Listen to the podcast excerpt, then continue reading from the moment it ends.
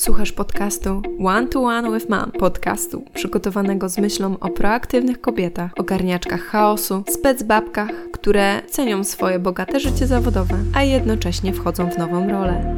Będą mamą, bądź też właśnie nią zostały. Zapraszam do słuchania. Bogumiła Kwiatkowska-Koterka. Cześć! To już trzeci odcinek podcastu One to One with Mom. Tym razem ostatni z cyklu związanego stricte z pracą w kontekście zajścia w ciążę. Na zakończenie tego wątku postanowiłam podzielić się swoimi przemyśleniami związanymi z decyzją o tym, czy pracować w trakcie ciąży, a jeżeli pracować, to jak długo i na jakich warunkach. W drugiej części tego odcinka podam Wam propozycję planu działania w ciąży, który można przedstawić swojemu pracodawcy. To będzie mięsisty odcinek, ale myślę, że weganom też się spodoba. Zarówno przed ciążą, jak i w ciąży słyszałam wiele opinii od starszych kolegów, jak i koleżanek e, oraz młodszych na temat tego, czy warto pracować w trakcie ciąży.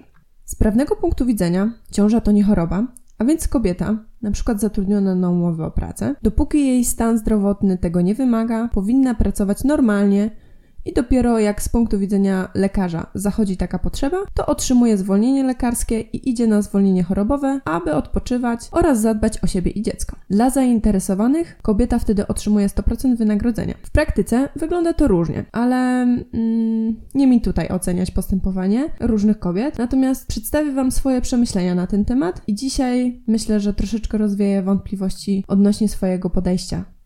Podsumowując, różne argumenty za pracą i przeciw jej w trakcie ciąży i sięgając pamięcią wstecz, przygotowałam sobie taką pewną listę. Posłuchajcie, może część lub większość z nich słyszałaś lub słyszałeś. A więc tak. Argumenty, cytaty za tym, aby przejść na zwolnienie chorobowe w ciąży dość szybko. Po pierwsze, to czas wolny dla ciebie, który już się nie powtórzy. Szczególnie jak to pierwsze dziecko. Po drugie, ZUS płaci, a nie pracodawca, to się w ogóle nie przejmuj, tylko korzystaj. Po trzecie, wykorzystaj ten czas na edukację, na tematy związane z rozwojem, wychowaniem dziecka itd. Tak Poleniuchuj, dziewczyno. Trochę ten czas ci się po prostu należy, a jesteś w wyjątkowym stanie, to po prostu poświęć ten czas na, też na relacje rodzinne, Wiesz, to, to świetny czas na realizację własnych pomysłów i przedsięwzięć. A w ogóle to trzeba uważać na dziecko i się nie przepracowywać. Dziecko już słyszy i wyczuwa w tonie matki różne głosy i napięcia. Trzeba uważać, e, uważać, aby nie wpłynęło na nie negatywnie. O, to było kilka pod rząd. No i na sam koniec, to jest idealny czas na dokształcenie się, jak być dobrym rodzicem. Na czym to wszystko polega? Teraz z drugiej strony argumenty, które przemawiały za tym, aby dłużej pracować w ciąży. I tutaj przyznaję, że jest ich niewiele, przynajmniej ja niewiele usłyszałam. Po pierwsze, ciąża to nie choroba, można i powinno się w niej pracować, jeżeli Twój stan zdrowia na to pozwala. Tak wiecie, oficjalnie, ale brzmi konkretnie. Po drugie, trzeba wziąć pod uwagę sytuację pracodawcy i nie zostawiać go na lodzie. Kolejne. Obsługi dziecka ciężko się nauczyć z książek. W praktyce wszystko się okaże. Ok, więc wybierzcie sobie te z powyższych, które najbardziej korespondują z Wami i z Waszym podejściem do życia. A ja teraz podzielę się z Wami swoimi głębszymi przemyśleniami na ten temat. No to zaczynamy. Aha, jeszcze jedno ważne. PS1. Pamiętajcie, że mówię o przypadkach, w których ciąża jest zdrowa. To znaczy nie jest zagrożona i z medycznego punktu widzenia kobieta nie powinna leżeć i jakoś, nie wiem, szczególnie oszczędzać się. No i PS2. moja ciąża była uznana za patologiczną ze względu na pewne problemy ginekologiczne i tym samym potencjalnie e, stanowiło to zagrożenie dla dziecka. Natomiast byłam pod opieką poradni patologii ciąży w Poznaniu oraz miałam dwóch lekarzy, zarówno z opieki publicznej, jak i prywatnej. Także stawiałam także na kontrolę e, do szpitala, kiedy była taka potrzeba. No i ogólnie pracowałam do ósmego miesiąca ciąży. To tyle kontekstu, jeżeli chodzi o moją sytuację życiową. Przedstawiłam Wam argumenty, które słyszałam za i przeciw, jeżeli chodzi o dłuższy okres pracy w trakcie ciąży. A teraz wracam do moich głębszych przemyśleń, do jakich doszłam w trakcie ciąży, no i myślę, że nawet jeszcze przed nią. Na samym początku muszę przyznać, że miałam niezły mętlik w głowie i często to pytanie sobie zadawałam, ale nie tylko sobie, ale również mojemu mężowi. A mianowicie, jak długo pracować? Kiedy jest najlepszy moment przejścia na zwolnienie chorobowe w trakcie ciąży? No bo wiecie, bo, bo ja lubię plan i dobrze się czuję, jak mam deadlines i jakieś konkretne, jasne e, kryteria działania. Ponadto już długo przed ciążą zauważyłam pewne zjawisko, które myślę, że rodzi wiele konsekwencji postrzegania kobiet, szczególnie młodych, na rynku pracy i wewnętrznie się z nim kłóciłam. A mianowicie, dziewczyny z różnych im wiadomych powodów niejednokrotnie wykorzystują moment zajścia w ciążę do udania się jak najszybciej na zwolnienie chorobowe i tym samym zdobycie dodatkowych prawdopodobnie 8 miesięcy urlopu. Inna sytuacja jest taka, że sam pracodawca, zamiast wykonać pewien wysiłek myślowy i może procesowy, proceduralny, sugeruje kobiecie przejście na chorobowe. Może nawet dla niektórych to jest wygodniejsze rozwiązanie finansowe. W związku z tym, będąc studentką, a później narzeczoną i żoną, postanowiłam sobie, że jak będę w ciąży i będę w stanie, to chcę pracować najdłużej jak to możliwe. I tym samym pokażę pracodawcy, że nie ma powodu do obaw w zatrudnieniu młodej kobiety, która może zajść niedługo w ciążę. A poza tym nie trzeba działać jakoś chaotycznie w takiej sytuacji. Oczywiście, im byłam bliżej decyzji zajścia w ciążę, dochodziło do mnie coraz więcej historii kobiet, które były aktywne fizycznie, prowadziły zdrowy tryb życia itd., tak itd., tak ale niestety ciąża zmusiła ich do leżenia. To była dla mnie przerażająca myśl, ale wiedziałam, że takie coś też może wystąpić i dlatego zaczęłam się przygotowywać mentalnie, ewentualnie do takiej sytuacji. Co to znaczy? Zaczęłam się zastanawiać, co zrobię w takiej sytuacji i jak to, jak może wyglądać w ogóle moje życie wtedy. Przyznaję też, że już wtedy przestałam mieć takie silne przekonania, że będę pracowała do 8-9 miesiąca ciąży, no bo wiadomo, różnie bywa. Lepiej się tak, tak wiecie, stricte nie nastawiać. I co mi to dało? szczerze mówiąc, taką szerszą perspektywę, że może być różnie, i dzięki temu mentalnie byłam w stanie przygotować się na ten przypadek i nie zgotowałam sobie żadnego podłamania czy też gorszego stanu emocjonalnego. Niezależnie od stanu ciąży, wiedziałam, że będę działała najlepiej jak potrafię. Zresztą, ty też jesteś specbabką, to prawdopodobnie wiesz o czym mówię. Wracając do meritum. Moje argumenty za tym, że warto pracować w ciąży. Po pierwsze, praca daje rytm. Jak jesteśmy bez niej za długo, to możemy czuć, że czas przepływa nam przez palce i czujemy się nieefektywne. A co za tym idzie, dalej mniej potrzebne i realnie ma to wpływ na nasze samopoczucie psychiczne. Po drugie, uważam, że praca oprócz pieniędzy daje dużo więcej dobrego człowiekowi przy założeniu, że pracujemy w dobrym dla nas oczywiście miejscu. Ponadto pamiętaj, czym szybciej pójdziesz na urlop czy też chorobowe, tym będziesz miała większy okres bez kontaktu na co dzień z dorosłymi ludźmi. A wiadomo, że jak już dzidzia się narodzi, to przez kolejne minimum 6-12 miesięcy będziesz raczej w klimacie dziecka, jego wychowania, zabaw i ogółem rozwoju, a więc może ci realnie brakować kontaktu i tematów innych, niezwiązanych z dzieckiem.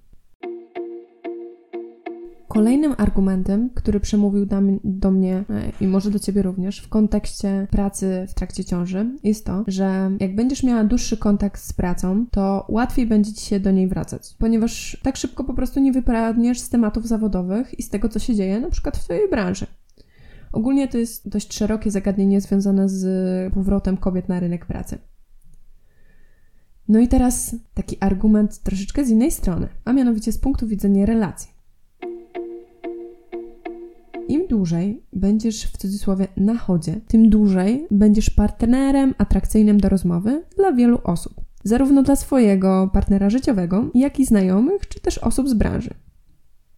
Co to znaczy? Konkretnie chodzi mi o to, że nie dla wszystkich atrakcyjny jest temat przygotowywania się do dziecka, wiecie, ciuszków i różnych tego typu rzeczy. A jak jesteś w domu i myślisz głównie o dziecku i się do niego przygotowujesz, bo tak przecież nie jedna osoba ci radziła, żebyś się na nim skupiła, no to to robisz. A więc Twoim naturalnie pierwszym tematem rozmowy jest dziecko. No i teraz wyobraź sobie, co myśli Twój partner, który po raz x setny widzi propozycję jakiegoś łóżeczka lub ubranka i pytasz go, kochanie, co o tym sądzisz? Czy to pasuje? Czy myślisz, że to będzie dobre? No tutaj troszeczkę ironicznie zabrzmiało, ale no uwierz mi, partner może Ci być bardzo wdzięczny, że jeszcze możesz się podzielić jakimś innym tematem, niezwiązanym z dzieckiem, a szczególnie jak pracujecie może w tej samej branży. Kolejny argument, tym razem z punktu widzenia finansowego. Może trochę śmiesznie, ale słuchajcie, no jest logiczny. Jak pracujesz, to masz głowę zajętą jeszcze innymi rzeczami, jakimiś sprawami, a więc po prostu mniej wydajesz kasy na wyprawkę, aranżację pokoiku i tym podobne. No i jeden z ostatnich argument, który jest związany z pracą e, i ogólnie mm, Twoją sytuacją na rynku pracy, to jest takie trochę poważniejsze.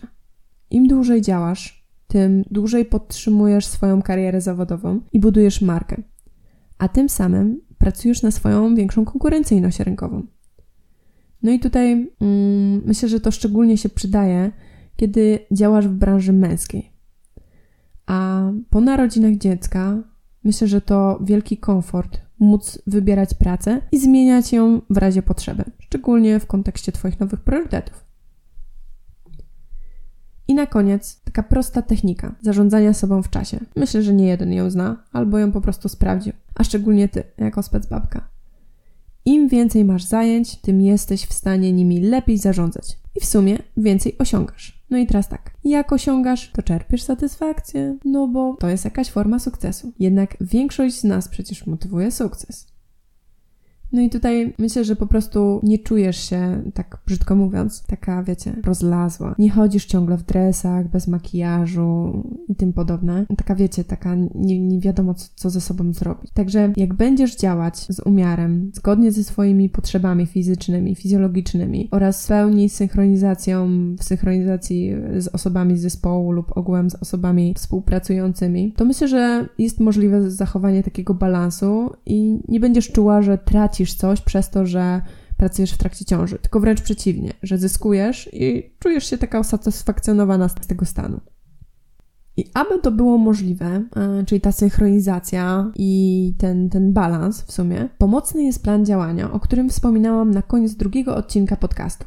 Wtedy to było w formie takiej wskazówki, punktu. A teraz mam zamiar to pogłębić dla Ciebie. Jak dobrze wiemy, ciąża to wyjątkowy, ale także według mnie nieobliczalny okres w życiu kobiety, a myślę, że także w pewnym zakresie partnera jej życiowego. By the way, wymyśliłam oddzielny odcinek podcastu pod tytułem Jak ciąża nauczyła mnie pokory, dlatego nie będę teraz rozkręcać się w tym temacie. I w związku z tą nie, nieobliczalnością ciąży, ale także, jak mówiłam wcześniej, praktykami kobiet, wykreowało się trochę takie mniemanie w postrzeganiu pracodawców, że jak już masz kobietę w ciąży na pokładzie, to w sumie nie masz co myśleć o stabilności. To znaczy, w każdym momencie może zniknąć, przesłać zwolnienie lekarskie i po prostu jej nie ma. Dlatego, co tu planować, jak to taki nieobliczalny stan? Myślę, że można Dlatego teraz czas na konkrety. Kilka moich propozycji, jak możesz podejść do tematu. Jako profesjonalistka nie zostawiasz szefa z informacją o ciąży i tyle. O tym już mówiłam. I teraz myślę, że na start możesz samodzielnie wyobrazić sobie, a później wspólnie przedyskutować z szefem, jak może wyglądać Twoja praca w trakcie ciąży. To, co możesz zaproponować na start, to według mnie po pierwsze Dopóki nie będzie takiej potrzeby i będziesz dobrze się czuła, to w sumie nic nie musi się zmieniać. Chyba, że pracujesz w warunkach szkodliwych dla zdrowia swojego lub potencjalnie dziecka. Wtedy nawet z przepisów prawa pracy yy, wynikają zmiany związane z Twoim stanowiskiem. I tutaj konkrety w transkrypcji do podcastu i na stronie internetowej podcastu, która jest nowością, zapraszam one to one with mom.bogumilakwiatkowska.pl Podałam Wam trzy linki dotyczące uprawnień kobiet w ciąży. Takie strony internetowe, gdzie można przeczytać o tych uprawnieniach kobiet w ciąży i będących na urlopie macierzyńskim. Także jak jesteście zatrudniony na umowę o pracę, to myślę, że warto się z tym zapoznać i po prostu mieć świadomość ich. Po drugie, można zaproponować zmianę rodzaju wykonywanej pracy lub tematów, którymi się zajmowałaś dotychczas na co dzień. Dla przykładu, ja zmieniłam swoją pracę stricte z zespołem deweloperskim na pracę bardziej strategiczną, z jedną, trzema osobami. Po prostu przeszłam bardziej na tryb zadaniowy i do tego te zadania miały taki oddalony w czasie deadline. I w sumie miały mniejsze ryzyko, ponieważ te ryzyko przesunięcia tego deadline'u nie generowało jakichś takich wielkich konsekwencji. Dodało mi dużo, między innymi po pierwsze dalszy sens działania, no i ogólnie cel. Tylko po prostu, że w mniejszym gronie i, i był taki brak konieczności uczestnictwa w spotkaniach regularnych, codziennych z zespołem. Ok, po trzecie. Zmiana godzin pracy lub miejsca pracy. Myślę, że taki układ, yy, taka zmiana może Ci się przydać zarówno na początku, jak i pod koniec ciąży, kiedy po prostu potrzebujesz więcej snu lub zmienia się trochę Twój rytm dnia. Dla przykładu, rano możesz po prostu potrzebować więcej czasu dla siebie, no i ze szkodą dla ciebie byłoby zrywanie się i próba zdążenia na siódmą lub ósmą rano do pracy. Poza tym, oprócz tych godzin, możesz zaproponować, że w jakimś zakresie będziesz pracować zdalnie. Oczywiście, jeżeli Twoja praca pozwala na to. Co to znaczy? To znaczy, że po prostu możesz zaproponować taki układ, w którym kilka godzin na przykład w trakcie dnia będziesz pracować w biurze, potem przerwa, no i później resztę na przykład spraw czy też zadań po prostu będziesz załatwiać w domu. Inna opcja to układ, w którym po prostu kilka dni pracujesz z domu, kilka dni z biura albo po prostu wybrane dni. No i myślę, że taki plan na pewno da Ci większą elastyczność, ale także możliwość realizacji Twoich potrzeb wynikających stricte ze stanu ciąży. Na przykład częstsze odwiedzenie lekarza, czy też badania KTG. No i tutaj myślę, że szczególnie jeżeli korzystasz z usług NFZ, to musisz się nastawić na to, że często trzeba chwilę poczekać w kolejkach. Dlatego ten czas jest dla Ciebie istotny. Ostatnie już z takich propozycji to to, że w kolejnych trymestrach możesz zaproponować zmniejszenie czasu pracy. No i tutaj jest pytanie, czy firma woli nie mieć doświadczonego specjalisty w ogóle, i wdrażać osobę na Twoje miejsce od razu, albo w ogóle jej nie mieć? Czy też jednak wolicie mieć tylko w zmniejszonym wymiarze czasu pracy? No tutaj myślę, że to już jest kwestia negocjacji troszeczkę. Natomiast uwierz, da się. Przedstawiając takie pro propozycje, te powyższe, myślę, że pokazujesz pracodawcy swoje zaangażowanie, lojalność i ogółem profesjonalizm w podejściu do pracy. I tutaj przyznaję, że ciekawa jestem Waszych przykładów, pomysłów. Może słyszeliście, słyszałyście jeszcze o jakichś innych możliwościach układu z pracodawcą, aby zostać dłużej aktywną zawodowo w ciąży. I będę bardzo wdzięczna, jak podzielicie się ze mną swoimi przykładami. Ponadto z tego miejsca bardzo proszę o kontakt z kobietami, które w ciąży pracowały do 7-9 miesiąca ciąży. Może wyjdzie z tego jakiś ciekawy materiał, może tutaj coś jeszcze e, ciekawego będę, będę mogła dla Was stworzyć.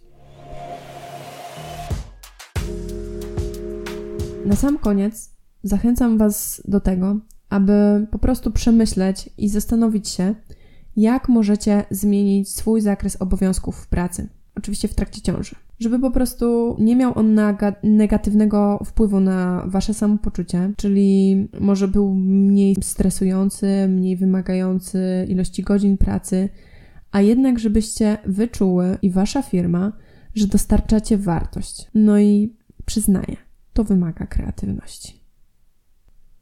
Taka ostatnia myśl ode mnie. Pamiętajcie, że czym szybciej przechodzicie na zwolnienie lekarskie, zwolnienie chorobowe, tym dłużej będziecie bez kontaktu z osobami dorosłymi, codziennymi przypadkami zawodowymi i różnymi doświadczeniami, ponieważ później naprawdę będziecie głównie obracały się w tematach związanych z dziećmi. No choć wiadomo, że można to różnicować, ale jednak tematem przewodnim mm, będzie, będzie to dziecko. Dlatego myślę, że to jest jeden z takich dość istotnych argumentów, szczególnie dla ekstrawertyków, że warto. Podsumowując trzeci odcinek podcastu, nie ukrywam, że zachęcam Cię do tego, żeby uczynić chociaż mały wysiłek i zastanowić się, czy mogę pracować dłużej w obecnej firmie i na danym stanowisku, będąc w ciąży. Nie jest to łatwe, jednak myślę, że przedstawione argumenty i rozmyślenia świadczą o tym, że może przynieść to benefity. Ważny komunikat. Jestem z tego mega dumna. Od teraz dostępna jest strona podcastu www.1to1withmyomy.bogumilakwiatkowska.pl a na niej innymi wszystkie odcinki podcastu, zarówno w formie dźwiękowej, jak i pisanej. Tak, dołączyłam dla Was transkrypcję podcastu.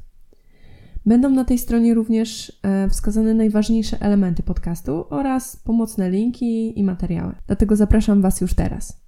www.one-to-one-with-mom.bogumilakwiatkowska.pl Jeśli spodobał Ci się ten odcinek i masz wśród znajomych osoby, które mogłyby być zainteresowane tematem, to kliknij obserwuj na Spotify oraz udostępniaj znajomym.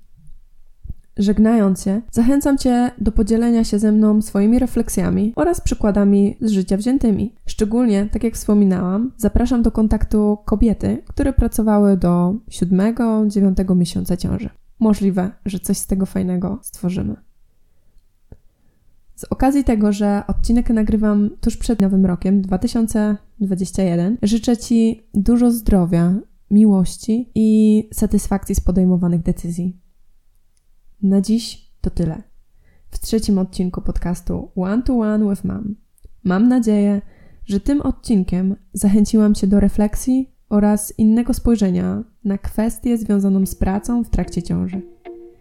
Trzymajcie się ciepło mówiła Bogumiła Kwiatkowska-Koterba.